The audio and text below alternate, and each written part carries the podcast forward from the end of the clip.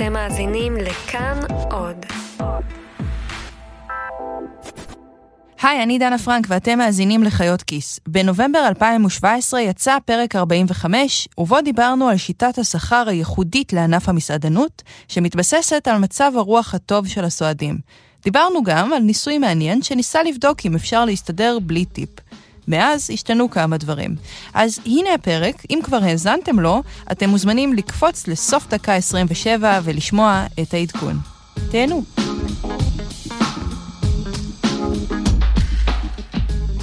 אתם מכירים את השיחה הזאת. אני עובד, אני מספק שירות, יבוא אליי הלקוח, אני נותן לו את השירות שלו, נותן לי את המשכורת, ואז הוא משאיר לי עוד 20 שקל. קח, שיהיה לך. שיהיה לך. זאת שיחת הטיפים הקלאסית. נראה לך עשית ממש. טוב, אבל פה יש קבל עוד איזה 15 שקל. אבל פה יש סיטואציה אה, סליחה, אחרת. יש לי רק 17, אבל לא, ויש לי עוד כמה עשרות אגורות. סביר להניח שניהלתם אותה בעצמכם. כל- העניין הזה שמושתת על חוסר משכורת. מיליון פעם. אולי אפילו היום. אבל זה מה שעובד 42 בכל. מקום, אתם נכנסתם. והכל נכון, טיפים זה קונספט מוזר, יש פה משהו לא נעים. למה אני צריכה לשלם בנפרד משכורת למלצר במקום בעל העסק? בדיוק. מה, מישהו משלם לי טיפ על העבודה שלי? לא, לא, אבל גם אם את סבבה עם זה. נכון, יש את רגע המביך הזה שאת יושבת עם מישהו וצריך להחליט כמה לשים? 15 אחוז? על מה 15 אחוז? מזלג לא הביאו לי. ויש לזה גם תחושה לא נעימה של ניצול, כי המלצרית לא מקבלת משכורת והיא תלויה בגחמותיי. את יודעת כמה כסף מלצרית עושה בשעה? היא מרוויחה יותר ממני. וזה גם לא הוגן, כי מה עם הטבח? הוא עובד לא פחות קשה וגם יש לו מיומנות. בקיצור, טיפים זה לא כיף, לא ללקוחות, והאמת שגם לא למלצרים. אה, האמת שכשהייתי מלצרית והייתי מקבלת בין 500 ל-700 שקל ליום עבודה, הסתובבתי כמו מאפיונרית בעולם, היה לי סטפות של מזומן, וזה היה קול. אבל כאן הקוליות מסתיימת ומתחילה איזה מסה עבה של באסה. קודם כל, בשנתיים עבודה במלצרות חסכתי סכום כסף מביך לפנסיה.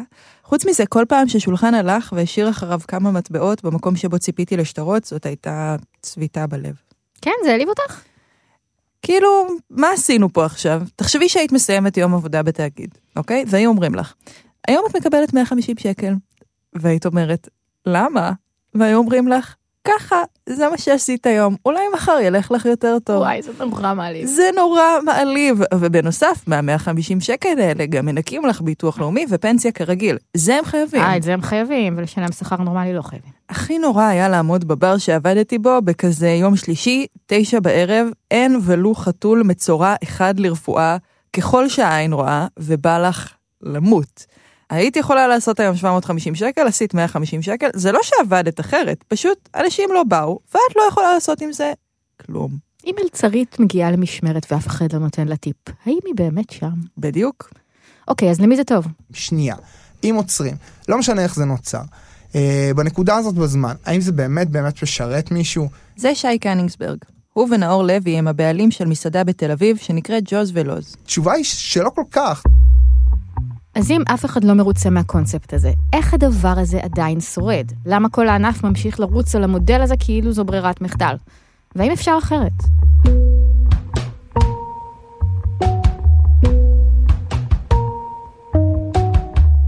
היי, אתם על חיות כיס, הפודקאסט של כאן באמת. אני צליל אברהם, ואני דנה פרנק. והיום אנחנו עומדות לצייר בפניכם עולם חדש. עולם שבו השיחה ההיא לא מתקיימת. עולם בלי ההתלבטות הזאת. עולם בלי הרגע שבו דנה אומרת, תוסיפי 17% ואני עושה לה מבט של, מה 17 אחותי? עולם ללא טיפים. והעולם הזה כבר קיים, במסעדה אחת בתל אביב. ג'וז ולוז, יום חמישי, השעה בערך שש בערב. שמונה וחצי זה מתחיל, תשע זה נכנס לאיזשהו פיק. 90 זה הרבה? עוד שעתיים יתחיל הערב הכי רווחי בשבוע עבור כל המסעדות בתל אביב. בשלב הזה זה מרגיש כמו תיאטרון לפני שמתחילה ההצגה. מדליקים נרות, מסדרים בקבוקי בירה במחסן, הברמנים מקפלים מגבות, אני מקפלת מגבות. ג'וז ולוז זה מהמקרים הנדירים האלה בענף המסעדנות, שמסעדה הופכת למוסד. המסעדה הוקמה לפני 13 שנה, אני עבדתי שם במשך קצת פחות משנה, לפני 4 שנים, והאווירה שם באמת הייתה שונה מכל מקום אחר שאני מכירה. למשל, היו ערבים שהיו הופכים להיות הופעה, כי יש פסנתר ויש מוזיקאים שבאים לשתות שם, ולפעמים דקלה הייתה באה אחרי ההופעות בשתיים בלילה ופשוט ממשיכה לשיר. או משוררים זקנים שמגיעים כל לילה, חצי שעה לפני הסגירה, ושותים כמויות של וויסקי שאי אפשר לדמיין, או עיתונאים ותיקים ומכובדים שיש להם בקבוקים עם השם שלהם, אבל ממש השם שלהם כתוב בלורד שחור, ואף אחד לא נוגע בזה. וגם היו אנשים שפשוט התאהבו במקום, ותמיד היו מגיעים. לפני שנה זה נגמר.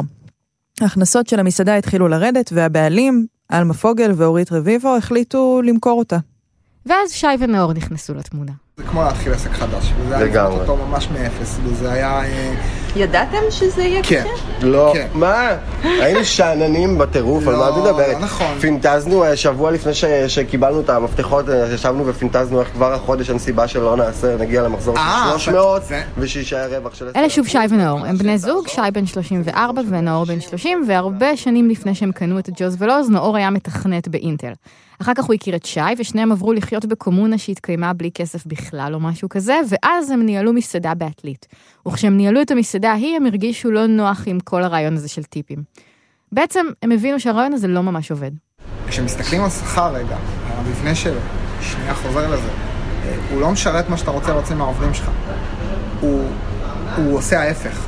השיטת שכר היום בענף הזאת לא טובה ללקוחות, לא לעובדים, ולא. לבעל הבית. כאילו, הוא לא עובד עבורנו, הלקוחות, כי אנחנו לא יודעים כמה אנחנו צריכים לשים וכמה בדיוק יצא החשבון שלנו בסוף. הוא גם לא עובד עבור המלצרים, כי השכר שלהם יחסית גבוה לשעה, אבל הוא נורא נורא שרירותי ותנודתי ומושפע מהמון דברים שהם בכלל לא קשורים אליהם. והוא לא עובד אפילו עבורם, בתור המנהלים של המסעדה. מה ששי ונאור אומרים זה שהמודל הזה מתמרץ את העובדים שלהם לעשות דברים אחרים ממה שהם היו רוצים. כי תחשבו למשל מה קורה כשמנה יוצאת לא טעימה או באיחור או לא מגיעה בכלל. אתם מענישים את המלצר בטיפ נמוך, כי זו הדרך שיש לכם לבטא את אי שביעות הרצון שלכם.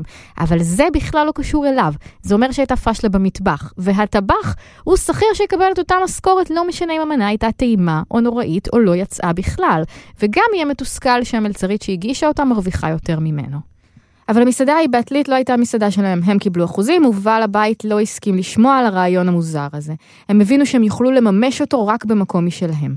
אז זה מה שהם עשו. קצת אחרי שהם קנו את הג'וז ולוז, לפני חצי שנה בערך, שי ונאור ביטלו את הטיפים והעלו את המחירים של המנות בעד 15%.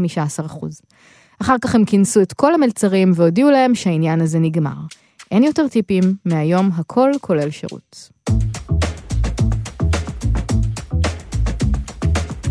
וזה מה שכתוב עכשיו בתפריט של הג'וז ולוז. קלמרי שרוף וקרם פרש 87 שקלים, ספריבס ציר בשר בוטנים וליים 94 שקלים, סלט קיסר 58 שקלים. לא, לא, לא, תסתכלי למטה.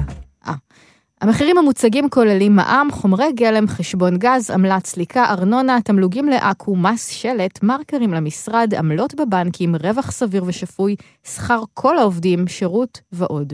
לא יתקבל תשלום נוסף מעבר, תודה. בחודש הראשון זה היה מלחמה מאוד קשה. זה היה כזה, אבל אני רוצה להשאיר טיפ. אבל מה תעשו אם אני אשאיר? אתה לא יכול להגיד לי לא. והשאירו? היה ממש דברים כאלה, לא, ממש נלחמנו איתם, הסברנו להם, אה, מצאנו כל מיני משפטים אה, שמצליחים אה, לעזור להעביר את המסר, זה כזה, אני מבין שנהנית, ותודה קודם כל. והטיפ הכי גדול שלנו זה תחזור שוב. אז אני זוכר ממש שולחן אחד שממש רב איתי. כאילו לא בקטע רע אבל היא הייתה כזה תתרום את זה לא אכפת לי ביי וזה הלכה כאילו ולא הסכימה אבל לא, הדבר הכי יצירתי והכי יפה היה שמישהו אה, פשוט השאיר אה, אה, פרח. קלאסי. שזה היה... קסום, ובאמת עם זה לא מצאנו... אה, לא רצת אה, אחריו. לא, לא רצנו אחריו. אבל האמת היא שמשהו פה לא מסתדר עד הסוף. מסעדנות זה תחום קשה, עם שולי רווח נמוכים. ואתם מכירים את המספרים האלה, תשעה מתוך עשרה עסקים לא שורדים שנה, אורך החיים הממוצע של מסעדה בתל אביב הוא תשעה חודשים. אחת הדרכים שבה התחום הזה מצליח להתקיים, היא כל השכר הארעי הזה שעובר ישירות מהשולחן המלצרים.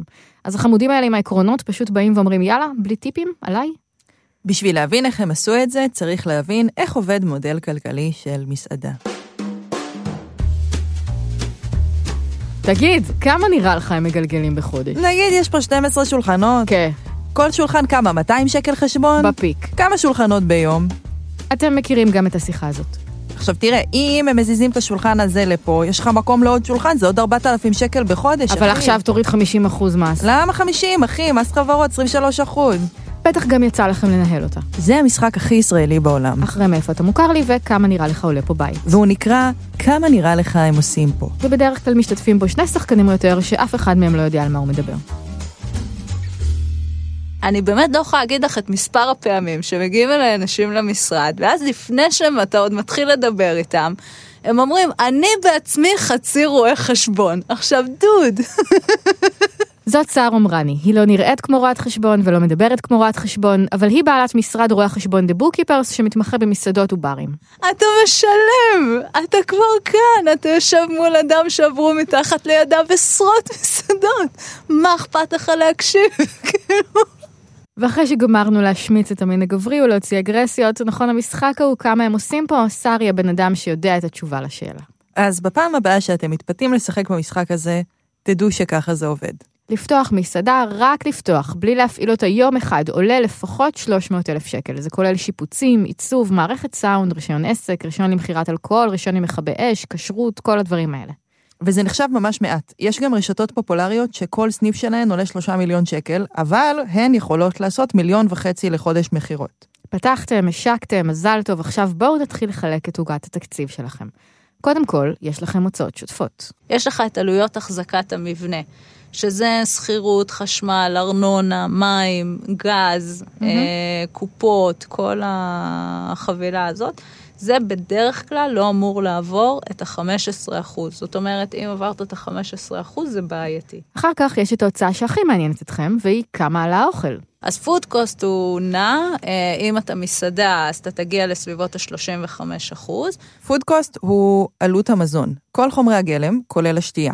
זה אומר שכשאתם מסתכלים על צלחת פסטה שעולה 60 שקלים, ואתם אומרים, כמה כבר עלה להם להכין את זה? כלל האצבע הוא שאם המקום עובד נכון, עלה להם קצת יותר מ-20 שקלים. ועכשיו מגיע החלק שבשבילו באנו לכאן היום, עלות העבודה. המשכורות של הטבחים, שוטפי הכלים, המארחת, כל מי שמקבל משכורת. וכאן נכנס החלק המוזר של המלצרים. כי מה זה מלצר בעצם? פעם, מבחינה פורמלית, המלצר לא היה קיים. הוא היה מישהו שמעביר מנות מהמטבח לשולחנות, הלקוח היה משאיר לו טיפ, הוא היה לוקח את הטיפ, שם בכיס, וזו המשכורת שלו. זה לא היה נכנס לשום קופה. אף אחד לא היה משלם על זה שום מס. היום זה כבר לא ככה. היום אה, כל אדם שהוא עובד כמלצר במסעדה, מחויב, מחויבים לתת לו אה, שכר מינימום לפחות, mm-hmm. את כל התנאים הסוציאליים, חופשה, הבראה, פיצויים, פנסיית חובה. אז המודל של קח את הכסף וסע, מת. אבל עדיין, הכסף שאתם נותנים למלצר בתור טיפ, זה כל השכר שלו. פשוט, לפני שהוא יקבל אותו, יגבו עליו, או על חלק ממנו, מס. כל זה, יחד עם המשכורות של מי שמקבל משכורת מהמסעדה, אמור לעלות לבעל המסעדה לפי שר עוד 25% מהמחזור. הגענו ל-75%, וזה לפני שקנינו רהיט, או תיקנו תנור, או פרסמנו בפייסבוק. תראי, רווח של מסעדה לפני מס הוא נע בין 8% במקרה הגרוע ל-15% במקרה הטוב. זה הכלל אצבע. הרווח שאתה צריך להגיע אליו אה, לפני, אה, לפני מס זה בין 8 ל-15 אחוז. אה, מקומות ממש ממש ממש טובים יצליחו להגיע ל-20 אחוז, אבל זה כל מה שאנחנו מדברים עליו. אז מה התשובה לכמה יוצא להם בחודש?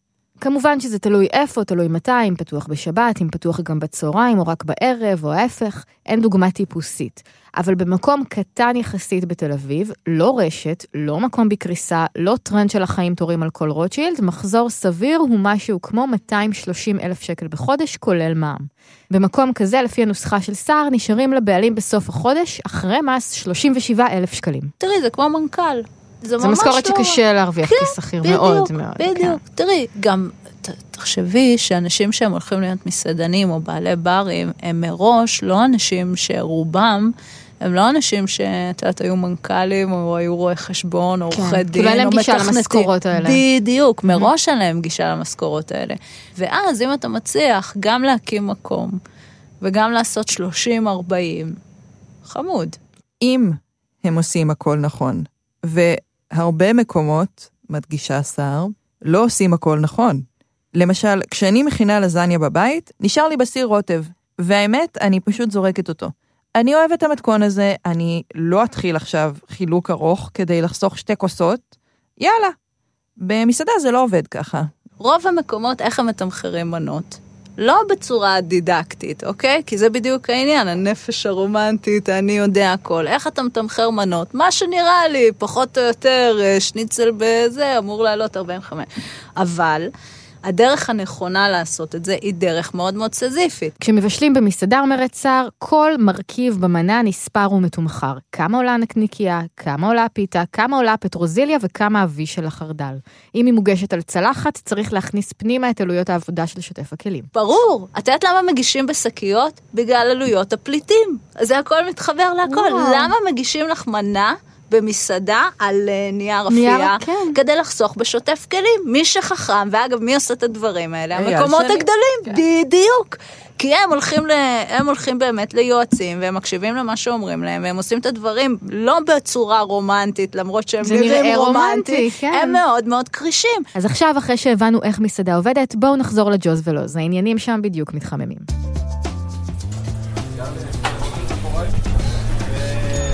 עשרה לעשר, מרגיש כמו פיל.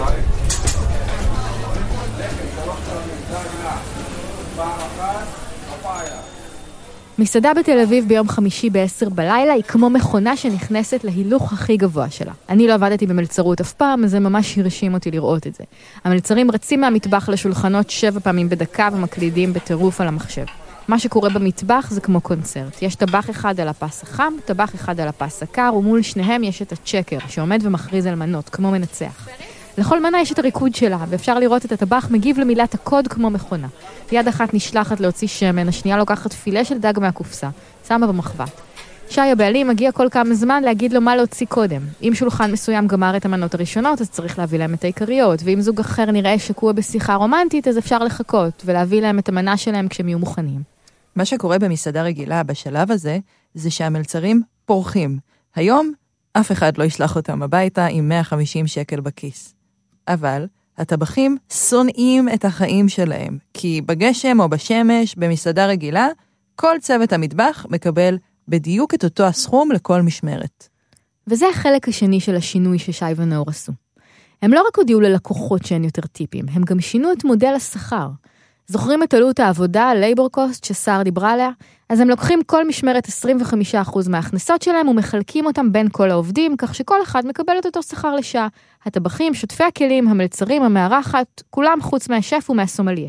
זה אומר שכשהמסעדה מפוצצת, כולם נקראים, אבל כולם גם מרוויחים יותר. אומרים, בוא נהיה שותפי גורל עד הסוף. זאת אומרת, כשיהיה פה חלש, אתם תרגישו את זה. אין פה ניסים. המסעדה כאילו לא עובדת, ובואו ננסה כולנו להרים אותה, לה- להרים מכירות, להביא חברים, לפרסם בפייסבוק, וזה קורה. ואז כשהמסעדה באמת עובדת, ואנחנו מרוויחים, אז השורת רווח שלנו לא גדלה במפלצתיות, אלא זה, המשכורת שלהם היא אחוזית. הם תמיד כשאנחנו נגדל, הם יגדלו יחד איתנו. אז כמה הם עושים בחודש? אז הנה העוגה של הג'וז ולוז. באוקטובר המסעדה הכניסה 305,000 שקל, כולל מע"מ, 265,000 לא כולל. הוצאות התפעול הקבועות, שכר דירה, ארנונה, כל אלה, עלו 29,000 שקל, הוצאות תפעול משתנות, חשמל נניח עוד 25,000, יחד 20 אחוז.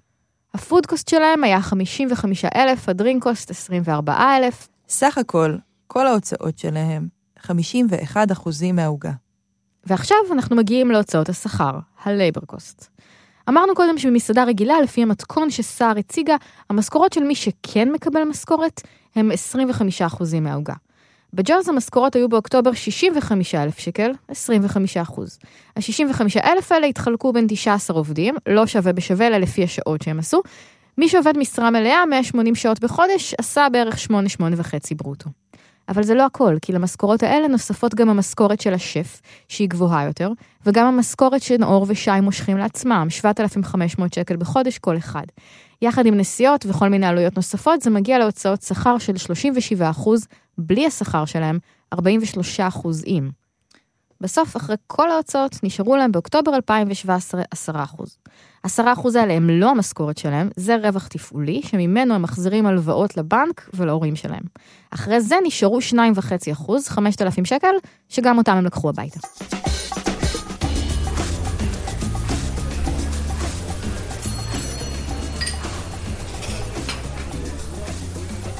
ב-11 בלילה הדברים כבר מתחילים להיות לחוצים. הפיק הזה של חמישי בערב נמשך כבר שעתיים. אנשים ממשיכים להגיע, ואלה שיושבים בשולחנות מזמינים עוד ועוד אוכל. הטבחים על הרגליים כבר המון שעות. באיזשהו שלב המכונה מתחילה לחרוק. שולחן אחד מתלונן שהוא מחכה למנה כבר רבע שעה. אחר מבטל מנה, כי הוא התייאש. שי מאיץ בעידו הטבח להעיף עוד ועוד מנות, ולא נשאר מקום להזמנות על הפס. לחץ. וזה הרגע שבו תהיתי. כל זה אידיאולוגי ויפה, אבל זה עובד? ישבנו וחשבנו, אמרנו, אוקיי, ומה עם המלצר הוותיק? אז בוא נעזור, המלצר הוותיק, בתור הוותיק, יש לך אינטרס על, כאילו, לקחת את המלצר החדש ולהרים אותו כמה שיותר מהר, כאילו. אם יש מישהו שלא טוב בצוות, כאילו, אז קודם כל יש אותנו מעל. אם יש מישהו שממש מפריע לצוות, אז, אז כבר אנחנו ניכנס ונטפל בזה, אבל, אבל לתת לצוות גם בינו לבין עצמו, לדאוג להגיע לאיזושהי רמה אחידה, ואת רואה שנורא אכפת להם גם לעזור אחד לשני ולדאוג שהם באמת יצליחו כאילו כולם להישאר באיזשהו סטנדרט מסוים. כאילו הם ממש מבינים שזה לא רק אני שאני אלך עכשיו לשולחן שלי ואני אצליח לשווק לו את התפריט טוב או להסביר לו על המנות טוב וככה שהם באמת יוכלו ליהנות מהחוויה וגם להשאיר בסוף סכום יפה, אה, אלא זה כולם, אה, זה גם הוא וגם הוא וגם הוא וגם הטבח שידאג שהמנה באמת תצא טעימה וכולם אה, משחקים ביחד איזשהו משחק. אז מה המלצרים אומרים על זה? הם לא עושים את הכסף שהם היו עושים במסעדות אחרות, כאלה שמתקתקים בין שולחן בשעה וחצי ומקבלים 100 שקל לשעה בטיפים. הם כן עושים יותר כסף ממה שהם היו עושים לפני כן בג'וז, והאמת שכל אלה שדיברנו איתם גם לא הבינו למה אנחנו כל כך מתעקשות לדבר על כסף. אף פעם לא הסתכלתי כל כך על הקטע הכלכלי. מה? כן. אני... מלצרת בשביל הנשמה? לא, לא מלצר... מלצרתי בשביל השכר, אבל לא מלצרתי והייתי פותח כל חודש את התלוש ואומר טה טה טה טה. ידעתי שאני עובד, ובסוף החודש ייכנס לי כסף. וזהו, וגם אני פשוט לא אחראי, כאילו, באמת, אין לי... זה גיא, הוא מלצר בג'וז ולוז, וכמו כל המלצרים שדיברנו איתם, התגובה שלו לצעד הזה היא, נראה לי סבבה. כל המלצרים אמרו שהעבודה משלמת את החשבונות, ושהם מרגישים יותר קשר למקום בזכות זה שאין את הניצול הזה ברקע, ושיש vibe נעים, ויש עם מי לעשן בסוף המשמרת. גם לדברים האלה יש ערך כספי. שאלתי מלצר אחר במסעדה, בן, אם כשהוא עובד בחמישי בלילה, הוא לא חושב על כל הכסף שעושים עכשיו מלצרים אחרים, במסעדות אחרות, כאלה שיש בהן טיפים. לא, כי... כי זה כאילו מנתק את שתי הדברים האלה אחד מהשני. ויש גם בונוס. הם מאוד אוהבים להגיד ללקוחות שאין טיפים. אין כמו עיניים נוצצות של לקוח כשהוא מגלה שהוא לא צריך אה, להשאיר שירות ושהיו נחמדים אליו, כאילו... אין בלי ספק, קשר. אין ספק שזה נהיה סוג של תחביב אצלי מהר מאוד, זה לגלות להם את הקטע הזה. אני אפילו טיפה מתאכזב ששולחן כבר יודע. ואני מרגיש שיש משהו קצת מעצים אפילו בחוויה של אה, לקוחות נגיד שעוד לא מכירים את זה, נורא מופתעים ורוצים להתעקש להשאיר טיפ ואנחנו לא מרשים להם, זה משהו שקורה הרבה. מעצים אותך? כן, נראה לי שיש משהו בלהגיד לא לכסף שמישהו מנסה לתת לך שהוא, שהוא נותן כוח. לא יודעת, משהו פה לא סגור לי עד הסוף. אם כולם מתחלקים שווה בשווה בכסף, למה שתהיה למישהו איזושהי סיבה להצטיין? גם הכלכלנים הכי חברתיים יגידו לך שקצת אי שוויון גורם לאנשים לרצות להשתפר וללמוד ולהתקדם לתפקיד יותר טוב. שמעי, אני את וכל השכירים האחרים בעולם מקבלים את אותו הכסף על השקל כל חודש, לא משנה כמה נשקיע, ועדיין אנחנו משקיעות הרבה מעבר להגדרות התפקיד שלנו. איך תסבירי את זה? כן, אנחנו עושות את זה אבל בשביל דברים יותר מופשטים, כמו קריירה והישגיות ומשמעות. כשאת מלצרית במסעדה, אני לא יודעת כמה זה משחק תפקיד. ממה שהמלצרים אמרו לנו, נראה שזה כן משחק תפקיד. ולגבי מסעדנות באופן כללי, אם אני טבחית במסעדה סטנדרטית, באמת אין לי שום אינטרס לדחוף את המשמרת, ואני גם לא מבינה מה מושך טבחים במקומות כאלה לעשות את המשמרות הבאמת אינסופיות של יום חמישי בערב. מאידך, במקום כמו הג'וז, המטרה שלי כטבחית זה ש-100% מהמנות יגיעו לשולחן. כי אם המנה לא תגיע, אני לא אקבל עליה כסף. זה משתקף אצלי בכיס הכי טוב. אבל את תוכלי לבנות על זה שטבחים אחרים ידאגו לזה. או, אז בג'וז, שי ונאור אומרים שזה לא המצב. הם מספרים שבעבר היו בג'וז שלושה טבחים במשמרת שישי בערב. עם הזמן, הצוות התחזק והגיע למצב שהם עובדים שניים בשישי בערב. למה? כדי להרוויח עוד כסף. הסיבה שלמנות לוקח זמן לצאת היא לא בגלל שכולם סומכים אחד על השני, היא בגלל שמדובר במכונה רבת חלקים, והם עדיין בונים אותה. זה לפחות מה שהם אומרים.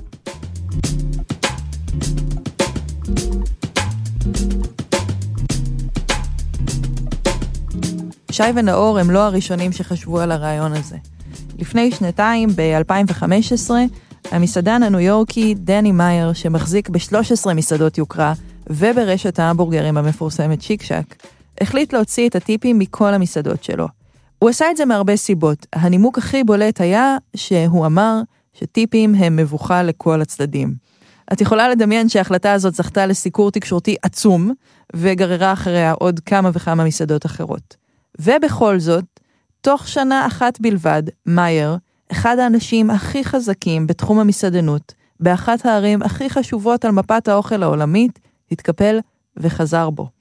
הוא טען ש-60% מהסועדים התעצבנו שגובים מהם יותר על אוכל, והעדיפו לשלם 20% שירות בנפרד, ושהמהלך גרם לו לאבד 10% מהלקוחות שלו. מרבית המסעדות שצעדו בעקבות מאייר גם ויתרו על המהפכה. שי ונאור מחזיקים בג'וז חמישה חודשים. באוגוסט שגיא כהן מהארץ פרסם עליהם ביקורת אוהדת. אוגוסט היה החודש עם ההכנסות הכי גבוהות שלהם, רק באוקטובר הם התחילו להרוויח. זה החודש שהמכונה עבדה בו הכי טוב. אז האם עולם ללא טיפים אפשרי? מה שאפשר להסיק ממה שקורה עד עכשיו בג'וז, זה שכן, בערך. האם הם מכניסים יותר ממה שהם מוציאים? כן. האם השכר של המלצרים הוגן? גם. אם הם ימשיכו לגדול ויצליחו להביא יותר ויותר לקוחות ולהכניס עוד כסף, הם גם יתפרנסו סבבה והמודל שלהם יעבוד. ומצד שני, הוא יעבוד כמו שהוא עובד עכשיו, על חשבונם. אחוז הרווח שלהם הוא 10 אחוז. אחוז של המשכורות בעוגה שלהם גדול יותר מבמקומות אחרים. הם משלמים מס על כסף שבמקום אחר המלצרים לוקחים הביתה בשחור, ככה שהם מרוויחים פחות ממה שהם יכלו. זה אומר שעולם ללא טיפים הוא אפשרי, אבל כדי שהוא יקרה, צריך גם לרצות. זה- שנייה, רגע, רגע, אתה עבדת באינטל. כן, אוקיי. אתם עובדים שבעה ימים בשבוע, אתם נכון. עובדים מהצהריים עד 12 בלילה, אתם לפחות. נושאים על כתפיכם את הסיכון העצום שלקחתם ואת ההלוואות שלקחתם, אנשים לא עושים את זה כדי להרוויח 12,000 שקל. אה, עושים את זה כדי להרוויח יותר, הרבה תשמעי, יותר. אחד הדברים ה, אה, שלא יקרו ברגע ששורת הרווח הזאת תהיה מאוד מאוד גדולה, זה שאני ושי אה, נעלה על ג'יפים חדשים ומגניבים ונשכור אה, וילה בזה. זה לא יקרה, זה לא מעניין אותנו. זה כאילו, זה פשוט לא, לא הדברים שאליהם אני שואף בחיים שלי. תני לי משכורת שהיא סבבה, כמובן ששעה וחצי אני, אני שואף שיהיה לי טיפה יותר מזה, כן, אה, באיזשהו שלב. קודם כל אני יכול לשרוד עוד לא מעט זמן גם על המשכורת הזאת, היא, היא, היא, מס- היא סבבה לי, היא מספיקה לי.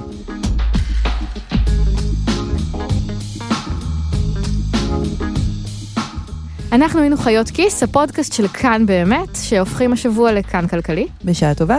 תודה רבה לעומר מגל שמיר על הרעיון לפרק. אם גם לכם יש רעיון לפרק של חיות כיס, או אם אתם מלצרים וחושבים שהשיטה הזאת נהדרת או איומה, או אם יש לכם מסעדה ואתם בטוחים ששי ונאור מחרבים לכם את הענף, ויש כאלה. אתם מוזמנים לכתוב לנו, אנחנו בטוויטר ובפייסבוק. תודה רבה למפיק והעורך שלנו רום אטיק, תודה רבה לטכנאי ההקלטה אסף רפפורט, תודה רבה לדנה פרנק, תודה רבה צליל. תודה רבה לכם.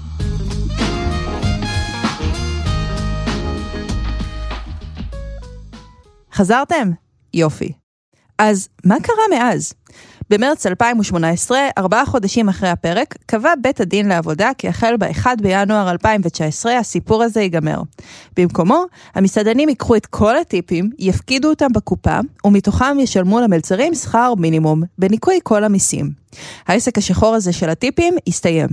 הדבר הזה מעורר הרבה דעות מנוגדות בתעשיית המסעדנות. בין היתר, הוא הוביל לכך שבתחילת אוגוסט הנוכחי התקיים כנס חירום של מסעדנים, שבו נטען כי הטיפים, יחד עם המיסים הגבוהים וההיטלים המאוד מאוד גבוהים על העסקת עובדים זרים, מחסלים את הענף. בינואר הקרוב, במושב החורף של הכנסת, ההחלטה של בית המשפט צפויה להתקבל כחוק, ו-200 אלף עובדי תעשיית המסעדנות בישראל לא ממש יודעים מה לחשוב על זה. מצד אחד, טוב שישלמו להם כמו לשאר בני האדם העובדים. מצד שני, המשמעות הכמעט ודאית היא הורדה קריטית במשכורת. מקום אחד שבו המלצרים לא דואגים מהשינוי, הוא המסעדה שבה התמקדנו בפרק שלנו, ג'וז ולוז. בפרק סיפרו לנו שי כהן ונאור קניסברג, הבעלים, איך הוויתור על טיפים שינה להם ולעובדים שלהם את החיים. מה שהם עשו במקום, זה לסרב לקחת לאנשים כסף, להעלות את מחירי הבנות ולחלק בין כל העובדים שלהם 25% מהקופה בסוף כל ערב. כן? בין כולם, כולל כולם. בנובמבר הניסוי הזה היה טרי מאוד, בין חודשיים בסך הכל, וזה היה מאתגר, אנשים לא ממש ידעו איך להגיב. לא כולם חשבו שזה יעבוד, והיה מי שחשב שהם לא ישרדו. אז המשכורות של המלצרים במסעדה היו מעט נמוכות יותר מאשר המקובל בענף, אבל הם שרדו, והם עדיין לא מאפשרים טיפים במסעדה שלהם. זה עובד להם טוב, והמלצרים די מרוצים משכרם. אבל לפני חודש, נאור ושי עשו משהו עוד יותר משונה. בעצם אין תפריט. אז אה, בן אדם מגיע ומה קורה? קודם כל מדברים איתו. עזבו אתכם בכלל מלתקשר חוויה, כמו ישיבה במסעדה, לרדד אותה לכמה מילים, שאז יש כמה נקודות אחריהם, ואז מופיע מספר, זה משהו שגם אנחנו, גם השף, רצינו להיפטר מזה. אז כן, אין תפריט. במקומו, יש דיאלוג ביניכם לבין המלצר שלכם. אתם תגידו לו מה אתם אוהבים או לא אוהבים, עד כמה אתם רעבים וכמה בא לכם לשתות. לאורך הארוחה המלצר יתאים לכם יין לפי מה שתסבירו לו שבא לכם, ויציע לכם מנות שונות. הרעיון הוא שאף שולחן לא יאכל את אותה ארוחה. כשתסיימו לאכול יגיע החלק הבאמת באמת משונה בכל הסיפור. בעצם כן, לאורך כל הדרך אין שום תמחור, אין שום התעסקות בכלל בגדלים של מנות, או בכמויות, או במשהו יותר יקר או משהו יותר זול, אנחנו לא מתעסקים בזה בכלל, בכלל, בכלל. ובסוף הארוחה הלקוח אה, מחליט אה, כמה הוא מעוניין לשלם על החוויה שהוא עבר. mind fuck, מה קורה אחר כך? הם, הם עומדים עם פה פעור איזה כמה דקות, ואז בסוף אה, מדברים איתם ונרגעים. במילים אחרות, גבירותיי ורבותיי, אין חשבון. ואם לא להשאיר טיפ במסעדה היה קשה, להחליט לבד כמה לשלם, זה כבר גובל במשבר נפשי. שי ונאור אומרים שיש אנשים שפשוט לא, לא מצליחים להתמודד עם החוויה. ברגע שהם מבינים מה הולך, הם קמים והולכים. וזה אולי נשמע מוגזם, אבל שימו לב לאמירה הבאה של שי, שמערערת את ההנחות הכי בסיסיות שלנו לגבי הקשר בין מחיר וטעם. אני יכול להגיד להם, זה לא כל כך משנה אם היין שאתם אוהבים מותג א' או מותג ב', כי אתם לא יודעים, ואני לא מערב אתכם בזה. ואם אתם כרגע שותים יין שהוא מרגיש לכם מיליון דולר והוא עלה לי 30, מה אכפת לכם? ואם אתם עכשיו שותים יין ב-100 שקל, אבל זה לא צלח, ואני לא התאמתי אותו כמו שצריך, ואתם שותים היין של 100 שקל לכוס ומשאירים כאילו ב-20, זה בסדר. כן, הבנתם נכון, אפשר לשתות יין ב-100 שקל לכוס ולשלם עליו 20. אף אחד לא יתנגד. מה? אז הלכתי ותרמתי את גופי למדע. קבעתי ארוחה משפחתית, אני, אימא שלי, שלוש מהדודות שלי דודה אחת, במקום שאי אפשר להזמין בו כלום. קודם כל, היעדר התפריט והיעדר החשבון השתלטו לחלוטין על השיחה. זה היה הנושא המרכזי שדיברנו עליו. איך נדע כמה לשלם? כשחושבים על זה, אולי הם צריכים לשווק ככה את המסעדה. לא עוד שתיקות מביכות בארוחת ערב. בואו לחשוב כמה לעזאזל מה שאכלתם אמור לעלות. אבל מבחינת שי ונאור, זה לא פיצ'ר, זה באג. גם לאחרונה התחלנו בכלל, ללקוחות ב...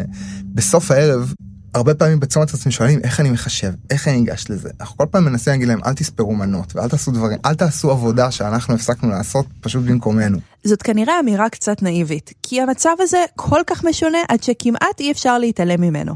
בכל מקרה, ניסיתי להכריע בסוגיה. האם הם רואים מזה יותר כסף? שאלתי את שי ונאור מה המחיר הממוצע לסועד. הם לא רצו להגיד בדיוק, אבל הם אמרו לי שהוא עלה בהשוואה למצב הקודם. וזה קצת מפתיע, כי בשיחה הקודמת איתם הם חשפו בפנינו את כל האקסלים שלהם, כולל בדיוק כמה כסף הם עצמם לקחו הביתה.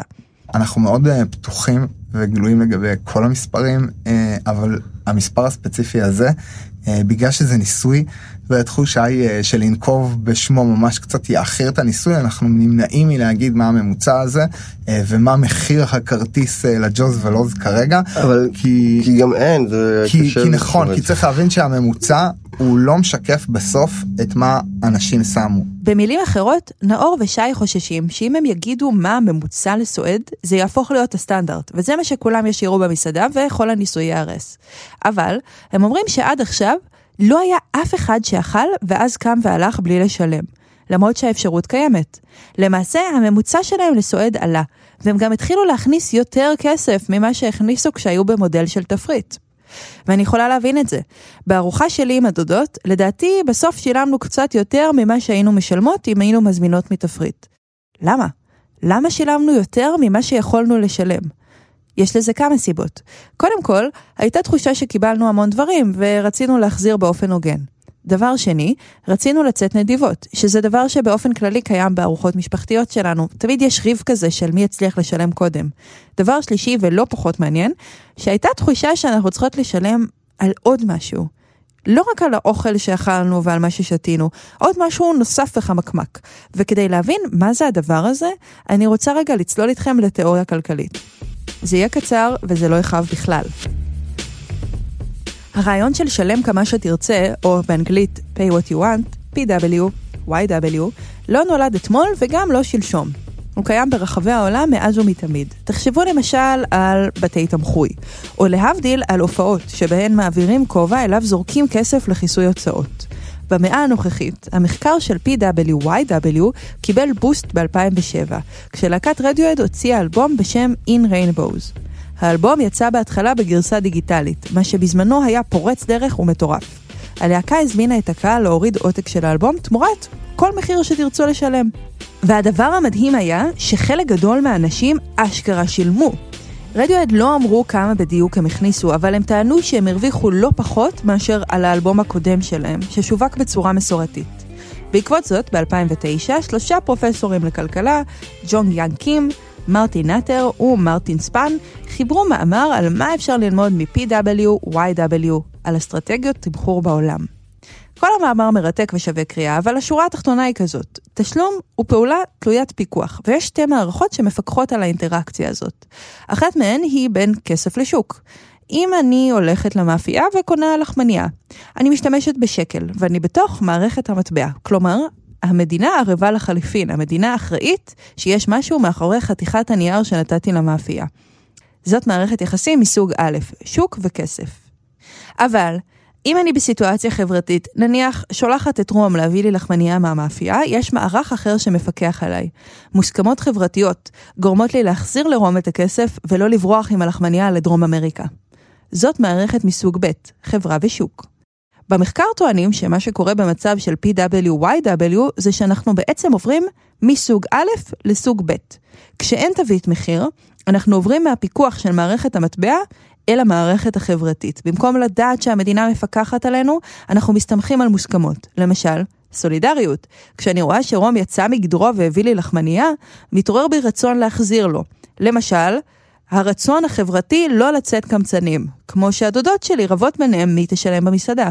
ויש גם את עקרון ההכבדה, כלומר שרק לא יחשבו חלילה וחס שאני ענייה ולא יכולה להרשות לעצמי לשלם, ואפילו לשלם אקסטרה על הארוחה שלי.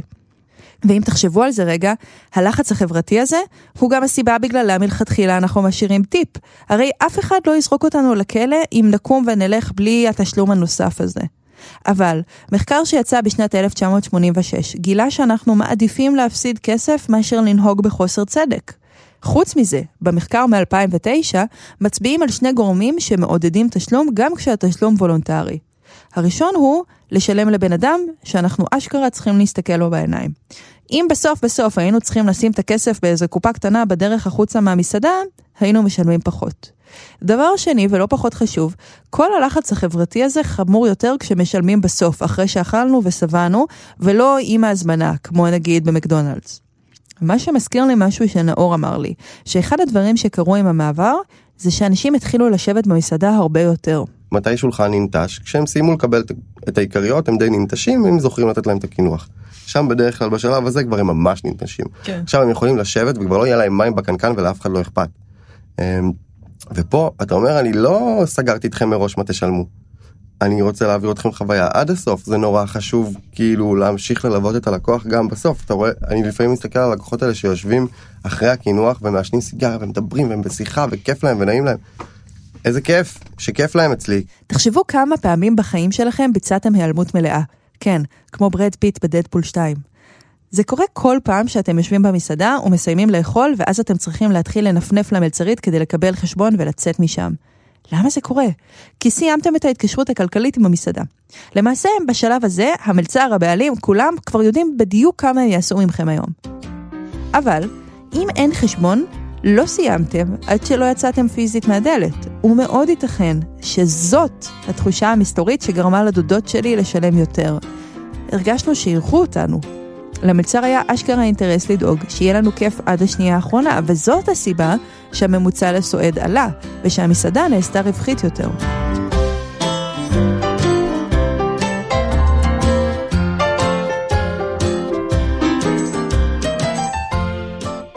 אז מה הוביל למהפכת האין חשבון? האמת היא ששי ונאור פשוט לא הסתדרו עם התפריט. חשוב גם לזכור שזה לא שההתעסקות שהייתה לנו עם התפריט הייתה איזה משהו שהוא היה כיפי או יעיל או הוכיח את עצמו. אף אחד מהדברים האלה לא קרה. מה זאת אומרת? זה גם נורא שרירותי. אתה מסתכל על תפריט ואתה מנסה לחשוב מה המקסימום שאני יכול, כאילו, כמה באמת אני יכול למשוך את מנת הבשר למעלה, ואז אתה מתחיל לעשות כל מיני דברים מוזרים שהיית רוצה שהמנת בשר תהיה יותר קטנה, כי, כי זה סתם נראה הרבה, אבל היא עולה 120, ואתה רוצה שהיא תעלה 120 שקל, אתה צריך להגדיל אותה. אתה כאילו מתחיל להסתכל, או, קפה זה רווחי, אני אציע קפה לאנשים, אני אדחוף קפה כי זה רווחי. הדבר הזה התחיל לחרפן אותם. יום אחד הם הבינו שהם רוב הזמן רק מזיזים 50 גרם מהמנת בשר למנת דג, וחושבים איך לגרום לאנשים לשתות קפה כדי להעלות את שורת הרווח, במקום להשקיע במה שבאמת עניין אותם, לארח. הסיבה הנוספת והמעניינת יותר לטעמי להיעלמות התפריט קשורה למלאים. אחת הסיבות שהמסעדה נעשתה רווחית יותר, היא שהם הפסיקו לזרוק אוכל. מה שקורה כשמסעדה מזמינה מספק, כלומר, קונה סחורה, ולא מצליחה למכור אותה. אם תחשבו על הדברים שמחזיקים במסעדה, זה לא כל כך רלוונטי למנות של מוצרי מזווה, וזה כן רלוונטי עד כאב למה שנקרא מנות חלבונים. בשר, דגים, כאלה. כשמסעדה מחזיקה תפריט קבוע, כמעט אין דרך להימנע מזריקת אוכל. שי מסביר את זה טוב. אני יודע שנגיד בסרוויס 20% מהמנות שיוצאות זה דג. Mm-hmm. ולפי זה אני פחות או יותר אסתכל על המוזמנים, על התנועה, על חגש השבוע ואני אזמין את הלברקים בהתאם. אבל מספיק שרק באותו סוף שבוע כל הסטטיסטיקה של הלברק הייתה שגויה ו-5% מהמנות היו לברק. הרבה פעמים בסוף היום פתאום אתה מוצא את עצמך זורק עשר מנות של דג. קופסה אחת ענקית מלאה בהמון המון המון המון המון המון המון סחורה שלא יצאה היום. זה לא רק עניין כלכלי, לזרוק בשר ודגים זה היינו אומרים בתפריט, אמרנו כאילו ירקות וזה, זה לא פחות כואב, אבל לזרוק אה, משהו ש... בסך הכל בשר, דגים, זה דברים אה, רגישים, זה לא רק הנושא הכלכלי, יש כל לא. כך הרבה משמעויות סביבתיות לעצם הפעולה הזאת, שבסוף עוד למצוא את זה בפח זבל, זה, זה לא שפוי, לקחת בזה חלק זה, זה משהו קשה. אז מה עם השכר של המלצרים? עכשיו כשגם אין טיפים וגם אין חשבון. שי ונאור סירבו לנקוב במספר, גם כי לא עבר מספיק זמן מאז המהפכה שלהם, וגם כי, כאמור, הם לא רוצים לערבב שיקולים זרים בהחלטה של הלקוחות שלהם שמתלבטים מעל השולחן כמה כסף להשאיר. הם אומרים שהשכר עלה כמו שכל ההכנסות של המסעדה עלו. אז בחודש האחרון, לפי כל מדד הגיוני, נאור, שי וכל מסעדת ג'וז ולוז ירדו מהפסים. בינתיים זה אשכרה עובד להם, וגם למלצרים שלהם. מה יקרה אחר כך? אין לדעת. אבל כל המחשבות האלה גרמו לי לחשוב על כמה שאלות נוספות. למשל, האם אוכל טעים יותר באמת צריך להיות יקר יותר? ואם כך, האם הקרטיב שאכלתי בטיול האחרון שלי במדבר שווה יותר מארוחת ערב במסעדת שף? האם אנחנו בכלל עוצרים לחשוב על מדדים כמו כיף כשאנחנו משאירים טיפ, או שאנחנו לגמרי על אוטומט? וגם, באיזה עוד מקרים שבהם אנחנו מחליטים כמה לשלם, מופעלות המערכות הסמויות של PWYW? יכול להיות שהן מפעילות את הכלכלה הסמויה של האירועים והחתונות, או את ההחלטה האם לארח את החגים השנה? ועם חומר זה למחשבה, חיות כיס יוצאת לפגרה. להתראות.